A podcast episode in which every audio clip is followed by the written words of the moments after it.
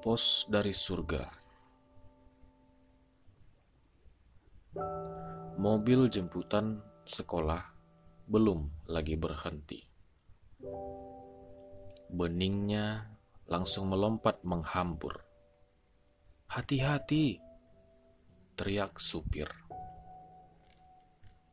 Tapi gadis kecil itu malah mempercepat larinya. Seperti capung, ia melintas halaman. Ia ingin segera membuka kotak pos itu. Pasti kartu pos dari Mama telah tiba. Di kelas tadi, ia sudah sibuk membayang-bayangkan. Bergambar apakah kartu pos Mama kali ini?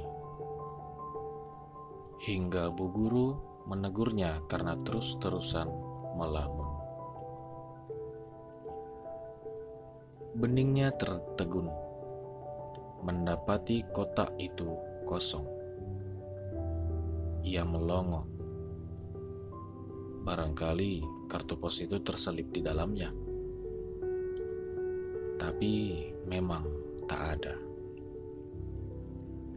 Apa mama begitu sibuk hingga lupa mengirim kartu pos? Mungkin Bisari sudah mengambilnya.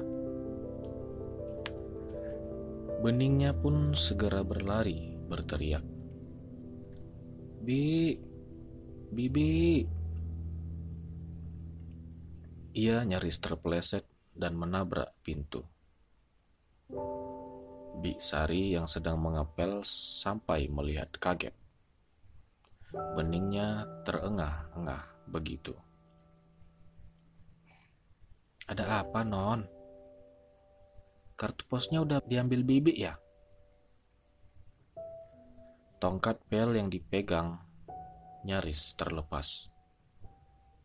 Dan Bi Sari merasa mulutnya langsung kaku. Ia harus menjawab apa? Bi Sari bisa melihat mata kecil yang bening itu seketika meredup. Seakan sudah menebak karena ia terus diam saja. Sungguh, ia selalu tak tahan melihat mata yang kecewa itu.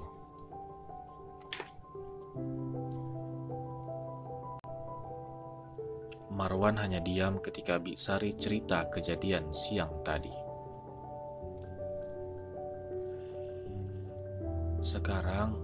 Setiap pulang, beningnya selalu nanya kartu pos. Suara pembantunya terdengar serba salah. Saya tidak tahu mesti jawab apa. Memang tak gampang menjelaskan semuanya pada anak itu. Ia masih belum genap enam tahun Marwan sendiri selalu berusaha menghindari jawaban langsung bila anaknya bertanya. Kok kartu pos mama belum datang ya pak? Mungkin pak posnya lagi sakit, jadi belum sempat ngantar kemari. Lalu ia mengelus lembut anaknya. Ia tak menyangka betapa soal kartu pos ini akan membuatnya mesti mengarang-ngarang jawaban. Pekerjaan Ren membuatnya sering bepergian. Kadang bisa sebulan tak pulang. Dari kota-kota yang disinggahi, ia selalu mengirimkan kartu pos buat beningnya. Marwan kadang meledek istrinya hari gini masih pakai kartu pos?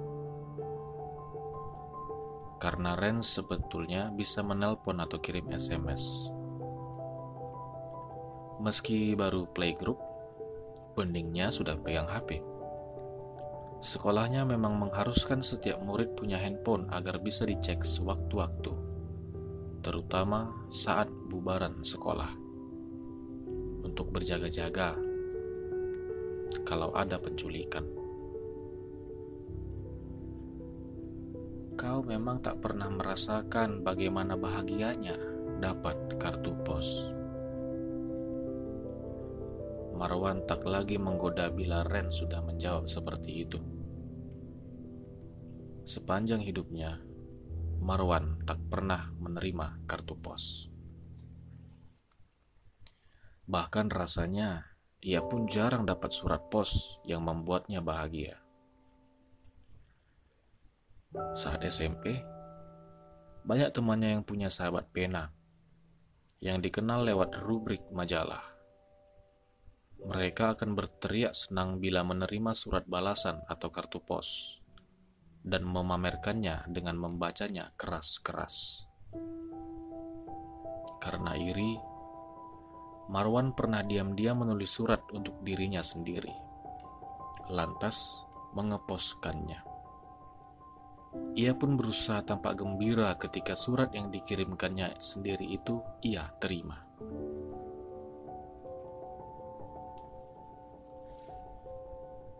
Ren sejak kanak-kanak sering menerima kiriman kartu pos dari ayahnya yang pelaut. Setiap kali menerima kartu pos darinya, aku selalu merasa ayahku muncul dari negeri-negeri yang jauh. Negeri yang gambarnya ada dalam kartu pos itu. Ujar Ren. Marwan ingat bagaimana Ren bercerita dengan suara penuh kenangan.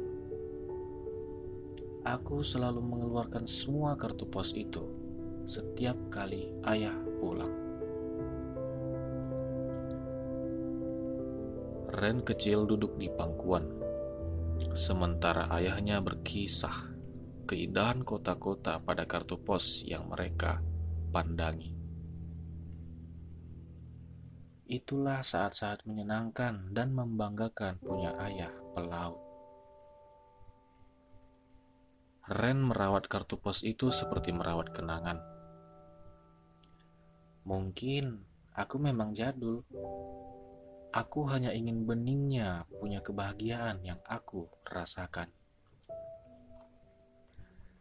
Tak ingin berbantahan, Marwan diam. Meski tetap saja ia merasa aneh dan lucu, karena suatu kali Ren sudah pulang tetapi kartu pos yang dikirimkannya dari kota yang disinggahinya baru sampai tiga hari kemudian. Ketukan di pintu membuat Marwan bangkit, dan ia mendapati beningnya berdiri sayu menenteng kotak kayu. Itu kotak kayu pemberian Ren. Kotak kayu yang dulunya juga dipakai Ren untuk menyimpan kartu pos dari ayahnya. Marwan melirik jam dinding kamarnya. Pukul 11 lewat 20. Gak bisa tidur ya? Mau tidur di kamar papa? Marwan menggandeng anaknya masuk. Besok papa bisa antar beningnya enggak? Tiba-tiba anaknya bertanya. Ngantar ke mana? Pizza Hut. Beningnya menggeleng. Ke mana? Ke rumah Pak Pos. Marwan merasakan sesuatu mendesir di dadanya. Kalau memang Pak Posnya sakit, biar besok beningnya aja yang ke rumahnya, ngambil kartu pos dari Mama. Marwan hanya diam. Bahkan Ketika anaknya mulai mengeluarkan setumpuk kartu pos dari kota itu, ia mencoba menarik perhatian beningnya dengan memutar DVD Pocoyo, kartun kesukaannya. Tetapi beningnya terus sibuk memandangi gambar-gambar kartu pos itu. Sudut kota tua, siluet menara dengan burung-burung melintas di langit jernih. Sepeda yang berjajar di tepian kapal, pagoda kuning keemasan, deretan kafe payung warna sepia, dermaga dengan deretan yah tertambat, air mancur, dan patung bocah bersayap, gambar di dinding goa, bukit karang yang menjulang, semua itu tampak lebih indah dalam kartu pos. Rasanya ia kini mulai dapat memahami kenapa seorang pengarang bisa begitu terobsesi pada senja dan ingin memotongnya menjadi kartu pos buat pacarnya. Andai ada Ren, pasti akan dikisahkannya gambar-gambar di kartu pos itu hingga beningnya tertidur. Ah, bagaimanakah ia mesti menjelaskan semuanya pada bocah itu? Bilang saja mamanya pergi, kata Ita, teman sekantor saat Marwan makan siang bersama. Marwan masih mengantuk karena baru tidur menjelang jam 5 pagi. Setelah beningnya pulas. Bagaimana kalau ia malah terus bertanya, kapan pulangnya? Ya sudah, kamu jelaskan saja pelan-pelan yang sebenarnya. Itulah, ia selalu merasa bingung. Dari mana mesti memulainya. Marwan menatap Ita yang tampak memberi isyarat agar ia melihat ke sebelah. Beberapa rekan sekantornya terlihat tengah memandang mejanya dengan mata penuh gosip. Pasti mereka menduga ia dan Ita. Atau kamu bisa saja tulis surat kartu pos buat dia. Seolah-olah itu dari Ren. Marwan tersenyum. Merasa lucu karena ingat kisah masa lalunya. Mobil jemputan belum lagi berhenti ketika Marwan melihat beningnya meloncat turun. Marwan mendengar teriakan sopir yang menyuruh hati-hati. Tetapi bocah itu telah melesat menuju kotak pos di pagar rumah. Marwan tersenyum ia sengaja tak masuk kantor untuk melihat beningnya gembira ketika mendapati kartu pos itu. Kartu pos yang diam-diam ia kirim. Dari jendela ia bisa melihat anaknya memandangi kartu pos itu. Seperti tercekat, kemudian berlarian tergesa masuk rumah. Marwan menyambut gembira ketika beningnya menyodorkan kartu pos itu. Wah, udah datang ya kartu posnya. Marwan melihat mata beningnya berkaca-kaca. Ini bukan kartu pos dari mama. Jari mungilnya menunjuk kartu pos itu. Ini bukan tulisan mama. Marwan tak berani menatap mata anaknya ketika beningnya terisak dan berlari ke kamarnya.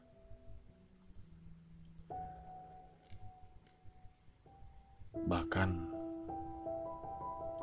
membohongi anaknya saja ia tak bisa. Barangkali memang harus berterus terang. Tapi bagaimanakah menjelaskan kematian pada anak seusianya? Rasanya akan lebih mudah bila jenazah Ren terbaring di rumah. Ia bisa membiarkan beningnya melihat pamannya terakhir kali, membiarkannya ikut ke pemakaman. Mungkin ia akan terus-terusan menangis karena merasakan kehilangan.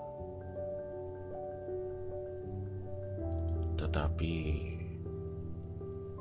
rasanya lebih mudah menenangkan beningnya dari tangisnya ketimbang harus menjelaskan bahwa pesawat Ren jatuh ke laut dan mayatnya tak pernah ditemukan. Ketukan gugup di pintu membuat Marwan bergegas bangun. Pukul 12 lewat. Sekilas ia melihat jam kamarnya. Ada apa? Marwan mendapati Biksari yang pucat. Beningnya. Bergegas, Marwan mengikuti Biksari. Dan ia tercekat di depan kamar anaknya. Ada cahaya terang keluar dari celah pintu yang bukan cahaya lampu. Cahaya yang terang keperakan itu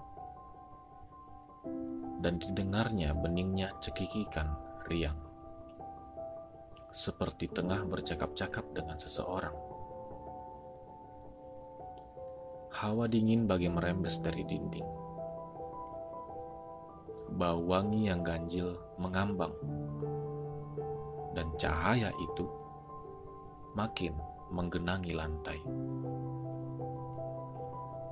Rasanya ia hendak terserap amblas ke dalam kamar. Beningnya, beningnya, Marwan segera menggedor pintu kamar yang entah kenapa begitu sulit ia buka. Ia melihat ada asap lembut serupa kabut keluar dari lubang kunci. Bau sangit membuatnya tersedak, lebih keras dari bau amoniak. Ia menduga kebakaran dan semakin panik membayangkan api mulai melahap kasur. Beningnya, beningnya. Biksari ikut berteriak memanggil. Buka beningnya. Cepat buka. Entah berapa lama ia menggedor. Ketika akhirnya cahaya keperakan itu seketika lenyap dan pintu terbuka. Beningnya berdiri sambil memegangi selimut. Segera Marwan menyambar mendekapnya. Ia melongok ke dalam kamar. Tak ada api. Semua rapi hanya kartu pos yang berserakan. Tadi mama datang. Pelan beningnya bicara. Kata mama, tukang posnya memang sakit. Jadi mama mesti nganter kartu posnya sendiri.